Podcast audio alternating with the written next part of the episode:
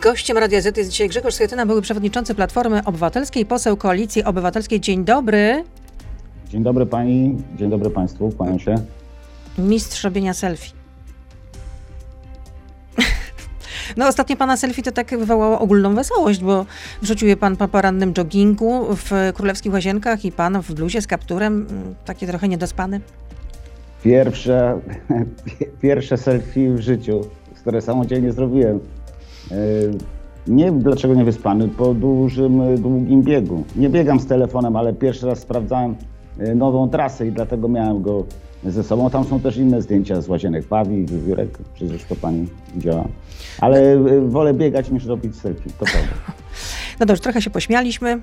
Znaczy ja się pośmiałam, a od soboty do 9 kwietnia mamy lockdown w całym kraju, to już nie jest dane do śmiechu. Czy to jest słuszna de- decyzja rządu? Chyba nie ma e, wyboru tutaj, bo e, liczba zakażeń wzrastająca e, pokazuje, że rząd nie kontroluje sytuacji tu w, w Polsce. Jest pytanie, jak na to odpowiadać? Czy pełnym lockdownem? To jest oczywiście wariant drastyczny i ostateczny. Ja A załóżmy, myślę, że cały pan jest teraz premierem i co by pan zarządził w przypadku tylu za- zakażeń? Ostatnio mieliśmy Nie mam 25 tej tysięcy. wiedzy. Ja przede wszystkim uważam, że my w złym tempie, w słabym tempie e, ciągle szczepimy. My nie mamy polityki e, szczepienia, mamy ciągle braki w dostarczaniu e, w szczepionek. No ale to nie jest wina Jest- przecież polskiego rządu, że są, bra- są Oczywi- braki y, w dostawach. Oczywiście, że jest. Pani, to tak jest, y, to zawsze można mówić, że to nie jest y, wina rządu. A gdzie tu jest wina Wszystko, rządu? co wiąże się z reakcją na, y, z reakcją na, szczepie, na, na COVID-19 y, w konstrukcji państwowej jest y, odpowiedzialnością rządu. Czy to są y, dobre decyzje, czy nie, to każdy rząd ponosi odpowiedzialność. Ale gdzie tu jest wina rządu, że y, jeśli chodzi o braki w dostawach? Ale no przecież, no, przecież to polski rząd zrezygnował z tych dostaw, które miały być w listopadzie i w grudniu. 15, y, y, kilkunastu milionów y, szczepionek. To No, ale w listopadzie i grudniu, a rządu. teraz mamy marzec. No dobrze, no ale przecież czy uważa Pani, że w listopadzie y, cała y, populacja w Polsce będzie wyszczepiona, wszyscy będziemy wyszczepieni dwukrotnie? Więc ja dlatego mówię, najłatwiej rezygnować, gorzej y, dostarczać i gwarantować pełno, pełne, y, pełną obsadę, jeśli chodzi o, o, o szczepienia. Mówiliśmy wcześniej testy, testy, testy, a dzisiaj mówimy szczepienia, szczepienia, szczepienia. Nie mam takiego wrażenia, że te szczepienia są zorganizowane, zorganizowane w sposób No, ale na tle perfekcyjny innych państw Europy wyglądamy bardzo dobrze, y, jeżeli pom- chodzi o szczepienia, poprawić. czy nie? Oczywiście, no to proszę zobaczyć, jakie są dane. Proszę zobaczyć, co się dzieje, e, jak, jak sytuacja wygląda w Izraelu czy w Chile. W Izraelu otwarte są restauracje, otwiera się miejsca publiczne, e, wraca życie, ale oni przygotowywali się e, od lipca zeszłego roku do, do konstrukcji e, logistyki przygotowania szczepień. E, Nie wystarczy mieć szczepionki, nie wystarczy je zamówić, nie wystarczy je dostać, nawet i dostarczyć. Przecież musi być cała konstrukcja dotarcia do tych, którzy mają być szczepieni. Przecież widzimy, jak. No to co teraz w takim razie powinien e, bywa- e, zrobić polski rząd, Ale proszę, no żeby, zobaczyć, żeby przyspieszyć sytuacje. e, szczepienia? Niektóre osoby przyjeżdżają, e, przy, muszą jechać 400 kilometrów do miejsca, gdzie zostaną zaszczepione. Przecież dochodzi też do takich. Do takich To prawda, ale co powinien Ja zrobić uważam, polski rząd, żeby jest przyspieszyć e, szczepienia? Ale jeżeli ja słyszę, że we Wrocławiu jest możliwość zorganizowania 100-120 punktów y, do, do szczepień, a jest ich kilkanaście czy kilkadziesiąt, to uważam, że kluczem jest posiadanie do skutecznej, y, wystarczającej liczby y, szczepionek. I dzisiaj polski rząd musi dbać o to, żeby te szczepionki kupić. Do tego trzeba No to co, w takim razie powinien kupić AstraZenekę od e, tych państw, które nie chcą na razie szczepić, wstrzymały szczepienia? Ale niektóre wstrzymały, ale jeżeli będzie pełne potwierdzenie od międzynaro- do Międzynarodowej Agencji Leków, że jest pełne dopuszczenie i gwarancja bezpieczeństwa, to co nie będziemy szczepić tą szczepionką? Oczywiście będziemy szczepić. Jeżeli ktoś nie chce być zaszczepiony as, astro, e, szczepionką z AstraZeneki, to może takie decyzje podjąć. Ale ja wolę, żeby Polacy mieli wybór, czy być szczepieni taką czy inną szczepionką, ale żeby te szczepionki były, a ich po prostu nie ma. Dlatego, że polski rząd e, był poddany takiej politycznej propagandzie, że sobie świetnie radzimy z COVID-em, że my świetnie e, bronimy polskiej gospodarki i polskich firm No tak, ale jeśli chodzi o zakup szczepionek, no to się- negocjowała to przecież y, Komisja Europejska. Ja nie mówię o zakupie, o, o tym, co było, jakie decyzje były w Brukseli, ale my, my, relacje między polskim rządem a Komisją, a Komisją Europejską polegały też na tym, że zrezygnowaliśmy e, ze, ze, ze szczepionek w, pod, koniec, pod koniec roku. Mówię o tym w taki sposób bardzo wyraźny. E, to nie jest miejsce do, polityki, do polityki i robienia propagandy politycznej. Ja mam wrażenie, że od pierwszych dni e, tej pandemii, COVID-u, my ciągle jesteśmy zakładnikami pokazywania e, tego i porównywania raz do innych krajów Europy czy świata i ciągle słyszeliśmy, jak świetnie sobie radzimy z, z pandemią, jak świetnie przechodzimy, jak świetnie przechodzimy przez nią, jak bardzo pomagamy polskim firmom. A słyszę przed chwilą u Państwa w w, w dzienniku, że y, polska grupa górnicza ma otrzymać miliard złotych z pomocy covidowej, ponieważ nie ma na, na pensję i na trzy miesiące wystarczy im do, do przeżycia. A co będzie za trzy miesiące? Czy ktoś o tym w Polsce myśli? Czy ktoś o tym mówi? Przecież to jest odpowiedzialność rządu. My nie możemy teraz pomagać firmom, które mają kłopoty finansowe i się przewracają, zresztą państwowe, wykorzystując fundusze covidowe, które będą potrzebne, czy są potrzebne naprawdę na skuteczną walkę z wirusem. A kościoły powinny zostać otwarte czy zamknięte? Co by pan e, zordynował, gdyby pan był teraz premierem? Traktowałbym jako miejsca, które są tak samo, y, tak samo możli, y, y, miejsc, miejsce, miejscami, które, gdzie się rozchodzą, czy są rozsadnikami zakażeń. Czyli pozamykał pan kościoły, tak? Gdyby pan był premierem, tak? kościołem, tak? Proszę? To rozumiem, że gdyby pan był premierem, to zarządziłby pan, że kościoły też powinny być zamknięte, tak? Też powinien być objęte lockdownem. Oczywiście, ta, oczywiście, że tak, bo jeżeli dochodzi do zakażeń w miejscach publicznych, to wszędzie tak jest. Czy to jest szkoła, czy to jest kościół, czy to jest budynek filharmonii. No przecież zagrożenie jest takie samo. To dlaczego wszyscy nie robi tak tego polski rząd? Startować, bo, bo my wszyscy musimy po prostu walczyć z pandemią, ale prowadzić tę walkę, organizować ją, dawać nam gwarancję dobrych, podejmowania dobrych decyzji, musi robić polski rząd. A, a, a, tego nie widzę. Ja widzę po prostu ogromnie dużo chaosu i ogromnie dużo politycznej propagandy. My ciągle mówimy o, o tarczach, o kolejnych tarczach i, i, pomocy dla polskich firm, a my nie zatrzymujemy e, pandemii. My nie organizujemy skutecznego procesu szczepień, żeby, żeby e, zmniejszyć ilość zakażeń najpierw, a potem skutecznie się leczyć. Muszę Jeżeli tutaj, muszę tutaj e, panie przewodniczący, muszę kwestia... niestety zakończyć tę część radiową. Podsumuję w ten sposób, że pan, gdyby był premierem, to również zarządziłby, że kościoły też powinny być zamknięte. I to tyle w części radiowej. Dziękujemy słuchaczkom i słuchaczom. Oczywiście Grzegorz Schetyna z nami rzecz jasna zostaje. Jesteśmy już teraz na Facebooku, na Radio ZPL. Beata Lubecka, zapraszam.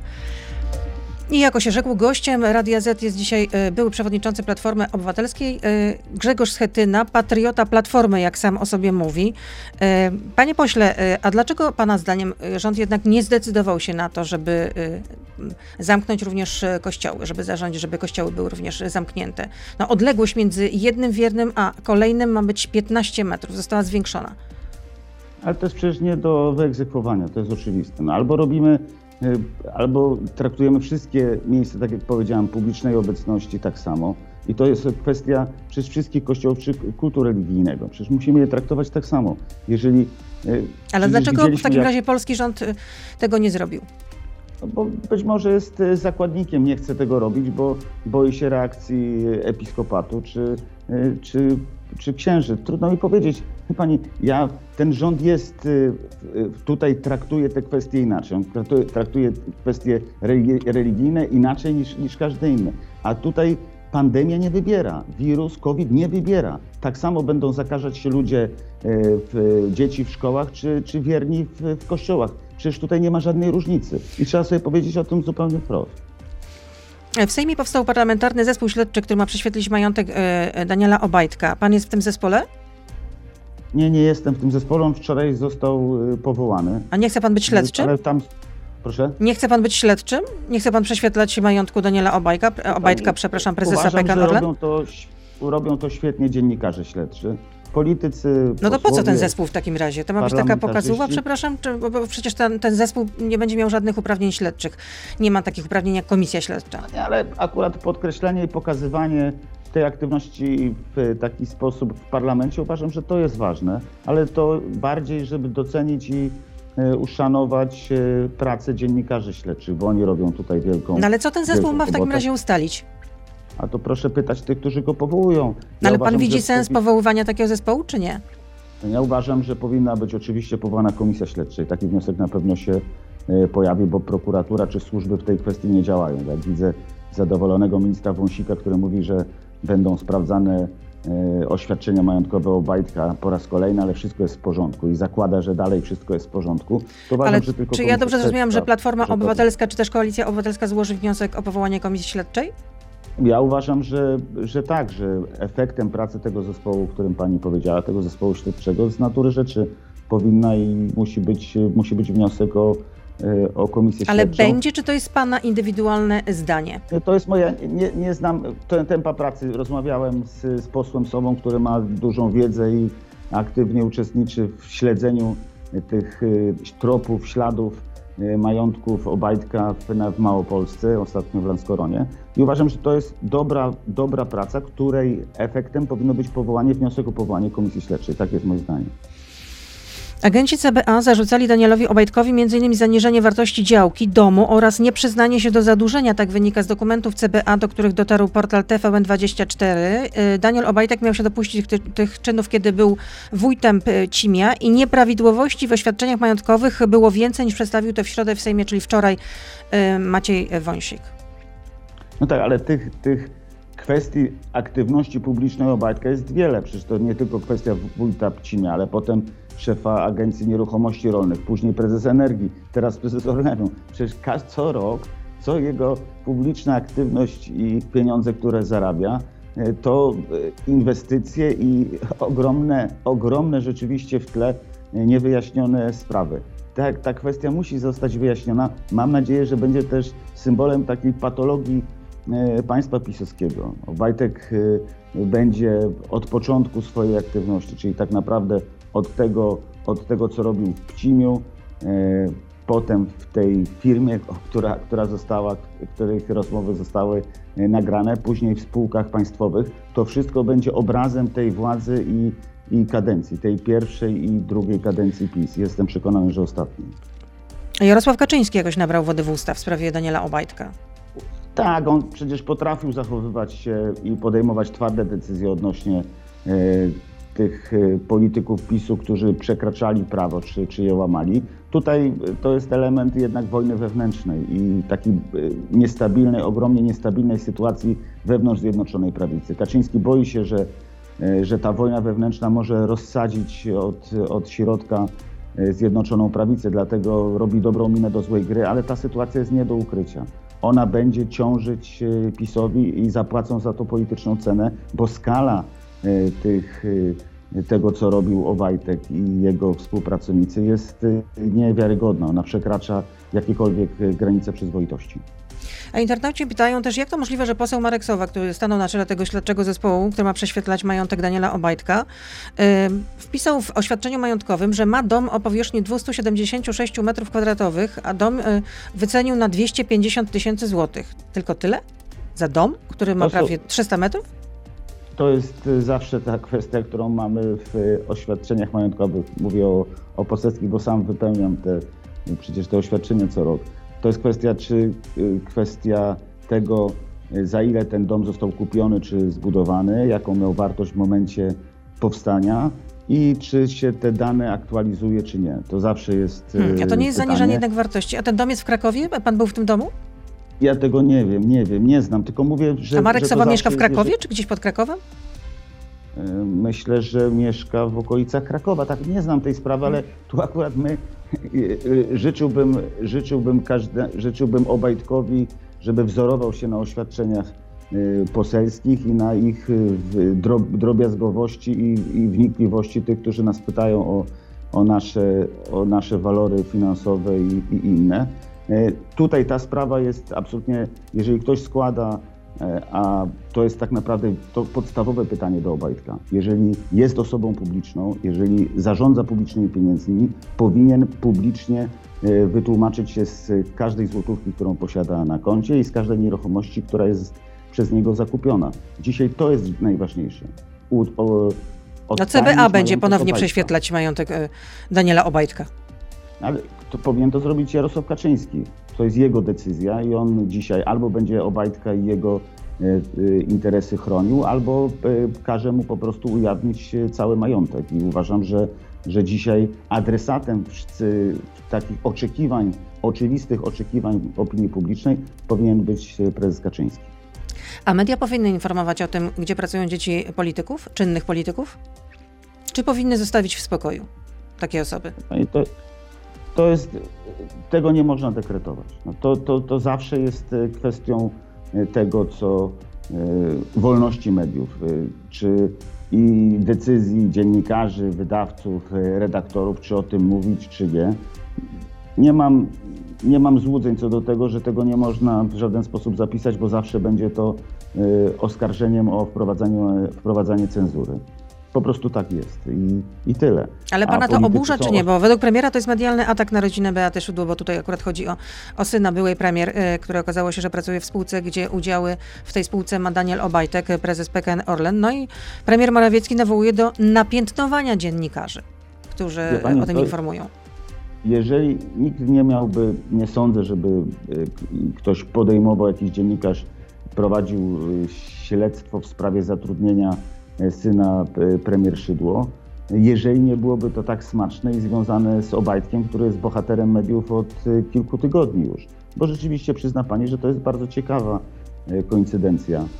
Była premier, obecny prezes, wcześniej jej współpracownik, i firma, która była początkiem y, kłopotów ujawnienia rozmów w tej firmy, było początkiem kłopotów Obajtka. To wszystko mieści się. A, Ale bycie przedstawicielem to... handlowym to nie jest jakieś nie wiadomo, y, jakie, y, to nie są jakieś wielkie konfitury, to jest bardzo ciężki kawałek chleba. Ale to nikt nie mówi, że to są konfitury, że, że on tam nie pracuje, czy że to jest, że nieuczciwie spełnia swoje, spełnia swoje obowiązki.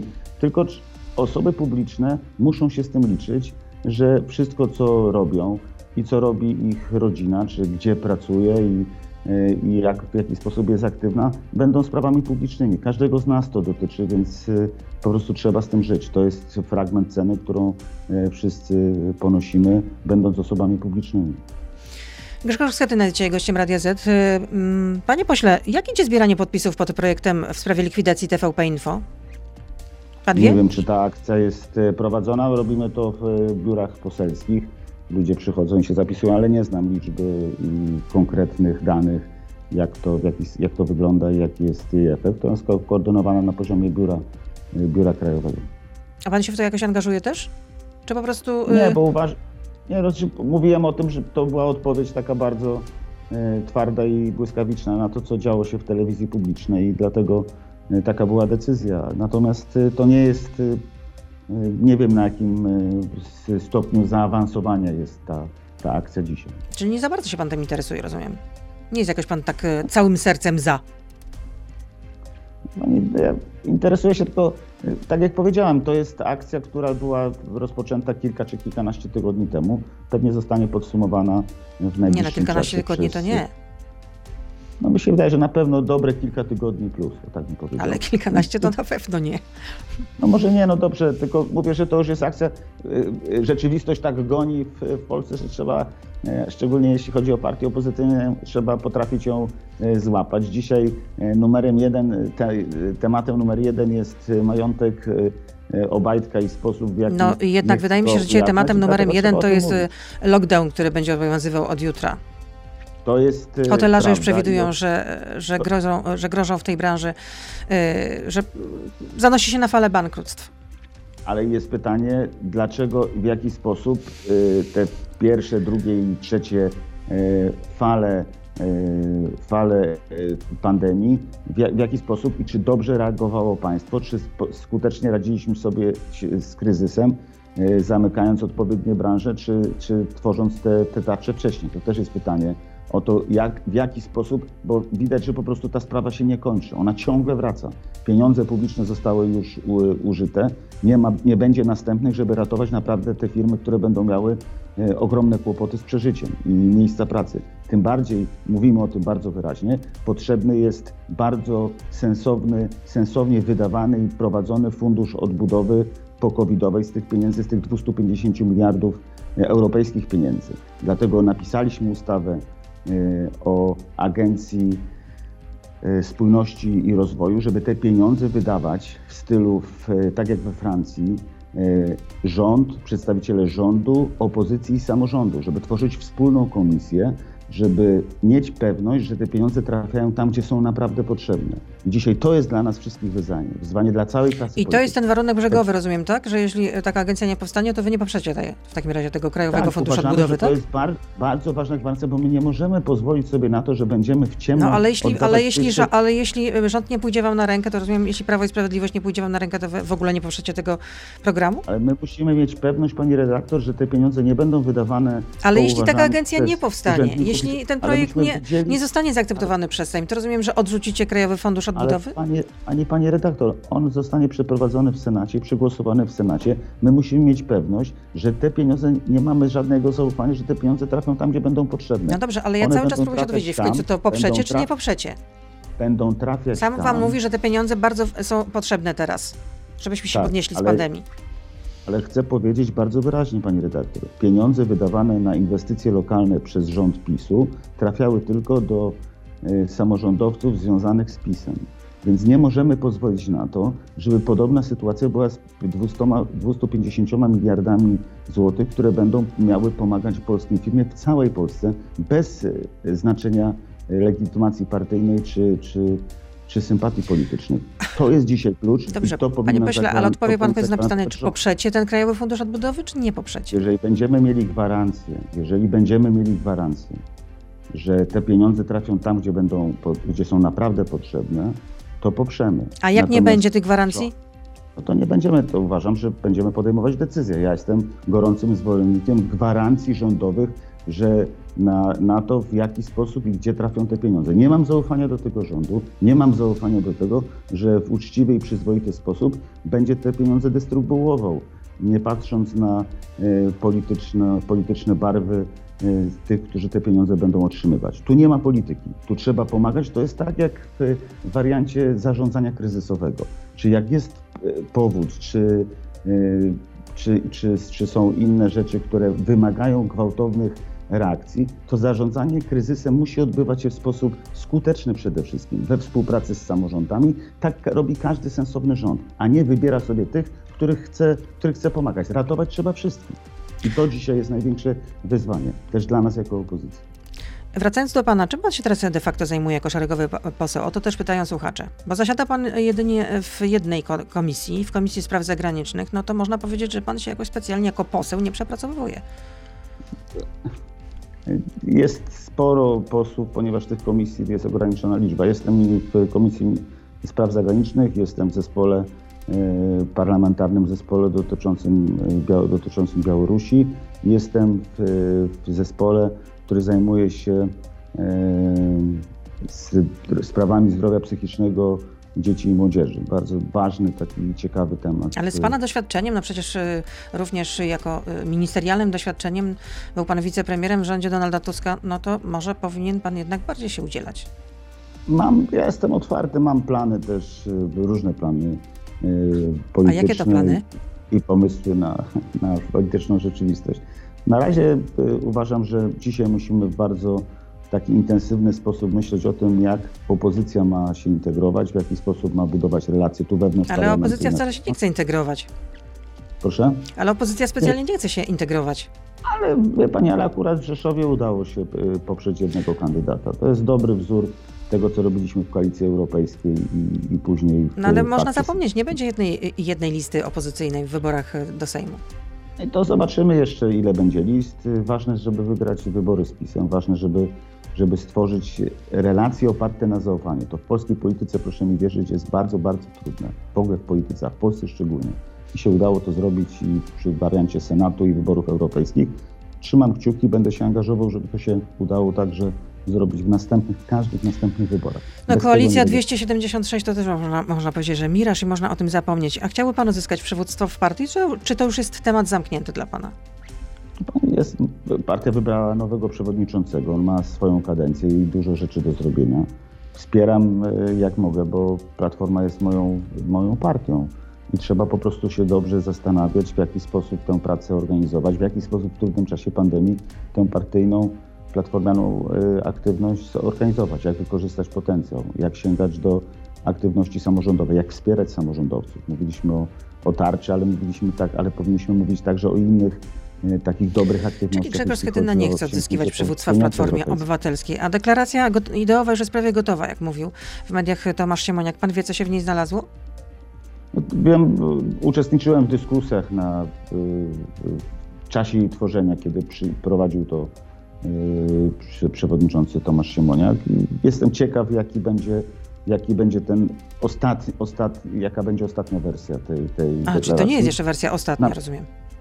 No i na razie jeszcze prace trwają zespołu. Ona, Ale co on się w niej jest- znalazło? Może pan uchyli jednak rąbkę to- tajemnicy. To proszę zapytać Tomasza Siemoniaka, nie miałbym śmiałości, y, żeby wyprzedzać Grzegorz Schetyna nie miałby śmiałości, nie wierzę. Nie wierzę, On jest szefem. nie wierzę. Co, co, co On jest słyszę? szefem zespołu, pani redaktor, no ale cóż ja, skromny poseł tutaj. No ale to pana stronnik przecież jest. No ale y, ważna jest deklaracja ideowa, ważne jest sytuowanie, umiejscowienie Platformy Obywatelskiej w centrum sceny politycznej. Ja uważam, że to jest bardzo ważne. Platforma nie może mieć y, żadnych, y, nie powinna mieć pokus y, pójścia w którąś ze stron. Musi zachować, musi walczyć o polityczne centrum, bo dobre, zorganizowane Ale czyli w takim razie ma być centrolewicowa czy centroprawicowa? Uważam, że musi mieć tak jak wcześniej, będę się upierał Centroprawicowa. Zgoda. Y, Musi nie, powinna być, musi mieć także oczywiście ludzi, którzy ci w, w tym wariancie centrum będą odwracać się w prawą stronę, nie tylko w lewą. Tak zawsze było, tak było, kiedy zakładaliśmy Platformę Obywatelską i tak mimo wielu rzeczy, które się zmieniły, jest i powinno być teraz. I wierzę, że tak będzie. Będę robił wszystko, żeby tę centrowość Platformy zagwarantować.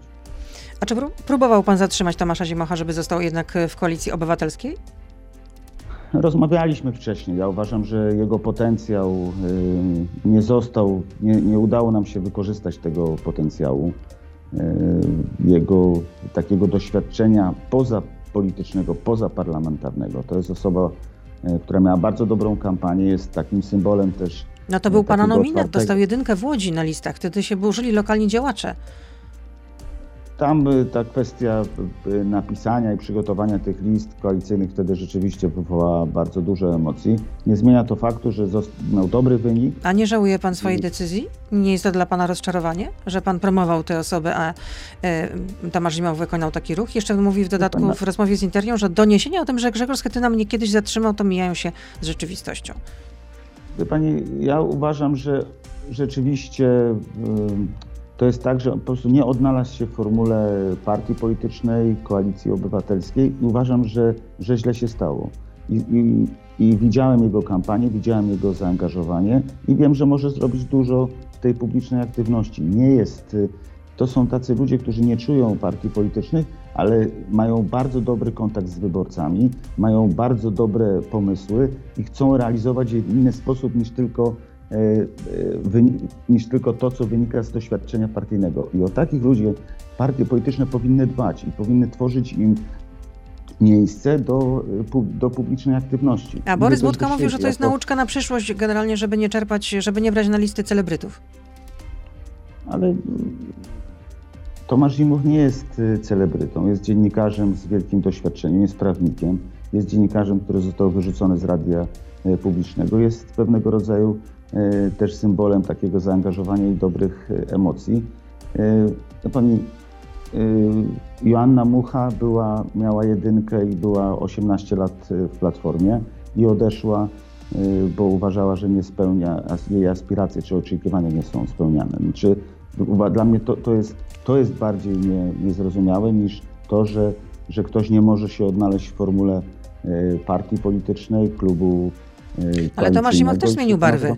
Z koalicji obywatelskiej przeflancował się do ruchu Szymona Hołowni. Ostatecznie. O kim pani mówi? O, O Tomaszu Szymonie- Zimochu.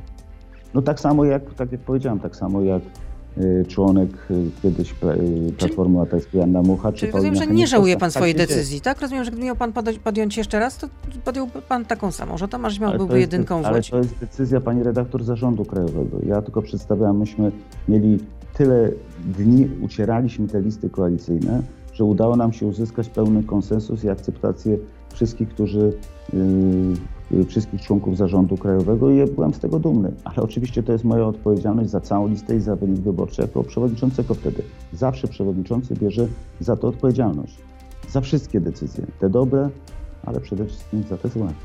To nie była zła decyzja. To była decyzja y, przygotowania listy rozszerzonej, nie tylko partyjnej, nie tylko politycznej, ale także takiej, która ma pokazać obywatelski charakter list y, kandydatów do Sejmu i do Senatu. W Senacie to rozszerzenie nam dało zwycięstwo, w Sejmie wynik 27,5%, najlepszy y, z możliwych do osiągnięcia przy trudnej kampanii i przy bardzo trudnym przeciwniku.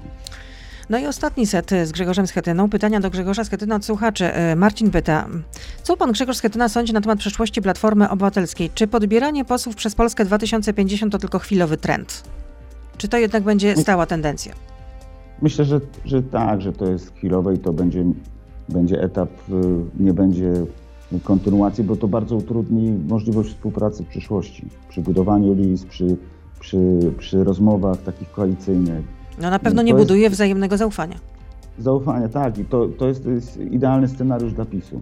Znaczy walczące ze sobą, y, między sobą ugrupowania opozycyjne, szczególnie te spoza parlamentu i, i z parlamentu, tak, zabierające sobie posłów. I, I potem jak ma wyglądać ta rozmowa przy stole, przy do, do wspólnych list, podstawy programowej, to zawsze utrudni, bo zawsze tworzy, tak jak pani redaktor mówi, to jest uderzenie fundamenty zaufania, które muszą być obecne przy takich rozmowach i przy takich decyzjach. No sam pan tutaj mówił, jakie to jest ważne i jak trudno to y, zaufanie w polskiej polityce. Czy możliwe jest według pana wyjście senatora Libickiego z PSL-u i ewentualna utrata większości przez opozycję w Senacie? Myślę, że nie. Bardzo dobrze znam senatora Libickiego i bardzo go szanuję. Nie uważam, że to jest scenariusz, który groziłby naszej większości i tego, co udało nam się osiągnąć w Senacie. Jestem z tego dumny i i uważam, że podobnie e, jest z senatorem Libickim. E, naprawdę warto wiele zrobić, żeby tę większość w Senacie zachować, przechodząc przez różne próby i różne próby politycznych prowokacji. Jestem głębokim optymistą, że to się uda i wierzę w większość senacką i wierzę w senatora Libickiego. Kagetoshi, niezły nick, pyta, proszę wymienić trzy sukcesy Platformy. Ostatnich dni, tygodni, yy, Nie, lat. trzy największe sukcesy Platformy. Lat. Pierwsza trójka. Na, najważniejsza... Podium. Najważ... Proszę? Podium. Tak. Na pewno pierwsze to jest zbudowanie pozycji Polski w Europie przez 8 lat rządów, ustawienie polskiej polityki zagranicznej i wpływu na polską politykę Dobrze, czyli polityka na, zagraniczna, na silna pozycja Polski w Europie. Polityka zagraniczna, polityka, Dwa. polityka europe, europejska bym powiedział. Polityka europejska. Dwa. Dwa to jest kwestia podniesienia roli samorządów na e, w, podniesienie roli e, samorządów i stworzenie konstrukcji, która pozwala na zbudowanie wyjątkowych relacji między rządem a samorządem. Czyli znaczy, umocnienie samorządów. I, i to, Czyli i umocnienie samorządu. Numer dwa, miało, a numer trzy? Miało, miało tutaj to, miało wpływ na to, ta dobra współpraca miała wpływ na to, że 43% środków europejskich, które Polska pozyskiwała, była, była wydawana przez, y, przez y, samorządy. Trzecie bym powiedział y, przez samorządy. To jest, to jest największe, najwięcej A w Europie. numer trzy? Najwięcej w Europie. Trzeci to bym powiedział bardzo mocna pozycja w relacjach transatlantyckich, która przede wszystkim była budowana przez bardzo świetne relacje ze Stanami Zjednoczonymi, ale przede wszystkim bardzo dobre umiejscowanie, umiejscowienie Polski przez aktywność ministrów obrony narodowej w NATO. A coś znaczy, dla ludzi? Polski, polski, wysiłek, polski wysiłek zbrojny, gwarancję bezpieczeństwa przez bardzo dobrą politykę i podmiotowość Polski e, w Sojuszu Transatlantyckim, czyli kwestia, e, kwestia bezpieczeństwa Polski. Na pozycji czwartej, jeśli chodzi o to na pewno bym powiedział o, o polityce społecznej, o całej, e, całej konstrukcji darmowych żłobków, dopłat do przedszkoli, tego wszystkiego, co dało, co było naszą inwestycją w demografię. To było 36,5 miliarda złotych w ostatnim roku, w którym funkcjonowaliśmy. No i jakoś tego wyborcy nie docenili. to na pewno to, to, były, to były ogromne pieniądze, które przeznaczaliśmy i inwestowaliśmy w, w, w polską rodzinę. Mm, pytanie od M. Pytanie od M. Jak sobie radzi Bu e, Borys Budka w zarządzaniu Platformą? To nie jest pytanie do mnie, to jest pytanie do... Jak to nie były przewodniczący? No to może pan ocenić, co robi pana następca. Ma trudną sytuację, bo jest ma czas pandemii i inaczej, trzeba inaczej partię prowadzić, zupełnie inaczej budować relacje. Nie ma dużych spotkań, nie ma, więc musi, partia musi mieć pomysł na to, jak funkcjonować, jak docierać, nie korzystając z tego, co jest jakby takim oczywistym instrumentarium partii politycznej. Duże spotkania, wiece, marsze, E, obecność w gminach, w powiatach, to co robiliśmy przez 4 lata e, mojej kadencji. Ale musi sobie radzić, no to jest, e, czasu się nie wybiera. Jest przewodniczącym i będą go rozliczać za najpierw za sondaże, a później za wyniki wyborcze. To, to, to każdy przewodniczący będzie to miał. I będzie miał też to, czy już ma Borys Budka. I Karol pyta, czy nie sądzi pan, że popieranie w, w, w, Parlamencie Europejskim, przepraszam, rezolucji przeciwko Polsce nie uderza wcale w Prawo i Sprawiedliwość? bo widać, że się nie przejmują, tylko w zwykłych Polaków, czy tych z Warszawy, czy z Ostrołęki, czy skądkolwiek. Kto lubi pranie e, brudów w Unii Europejskiej? Naszych brudów. To, nigdy nie jest uderzanie w sprawy polskie czy w Polskę. To zawsze jest obrona kogoś konkretnego e, przed omnipotencją państwa, czy przed e, złym urzędnikiem, czy przed łamaniem demokracji, czy praworządności. My zawsze bronimy ważnych spraw i zawsze bronimy ludzi. I szczególnie robimy to, znaczy robimy to wszędzie, gdzie można będzie robić i będziemy to robić. Po to jesteśmy ugrupowaniem, które, e, które daje gwarancję jako, jako swoją historią i doświadczeniem, daje gwarancję, że zawsze będziemy po stronie ludzi. Tak jest też w Parlamencie Europejskim. Każda debata czegoś, czegoś dotyczy. My będziemy mówić twardym głosem, będziemy bronić polskich spraw i, i Polaków także przed y, y, złym państwem PiS i będziemy o tym bardzo wyraźnie mówić. Nie będziemy się wstydzić, nie będziemy się chować, bo to jest po prostu najważniejsze. Po to jesteśmy w polityce, żeby to robić. W każdym miejscu, także w Parlamencie Europejskim, także w Strasburgu i w Brukseli. Bardzo dziękuję. To by było na tyle. Grzegorz Schetyna, były przewodniczący Platformy Obywatelskiej, poseł Koalicji Obywatelskiej był z nami. Dziękuję. Dziękuję Życzę oczywiście zdrowia, bo to jest teraz najważniejsze. Wszyscy sobie życzymy zdrowia. To jeszcze może pan powie, y, jak się czuje Rafał Trzaskowski, czy pan wie, bo ma koronawirusa? No, słyszałem, że jest, że jest y, w porządku, że, że wszystko jest na dobrej drodze. Y, trzymamy kciuki za to, żeby, żeby wszyscy, żebyśmy wszyscy byli zdrowi. Tym, którzy, którzy dzisiaj cierpią czy chorują, no, trzeba gorąco ich wspierać i, i wierzyć, że, że wrócą, do, wrócą w dobrej formie, w lepszej formie. To jest naprawdę ciężki czas i musimy być wszyscy razem i wspólnie przez niego w dobrym stylu i w dobry sposób przejść. Wszystkiego dobrego. Dobrego dnia życzę w takim razie. Do usłyszenia, do zobaczenia i do następnego. Kłaniam się. Dziękuję, do widzenia. To był gość Radia Z. Słuchaj codziennie na playerze i w Radio Z.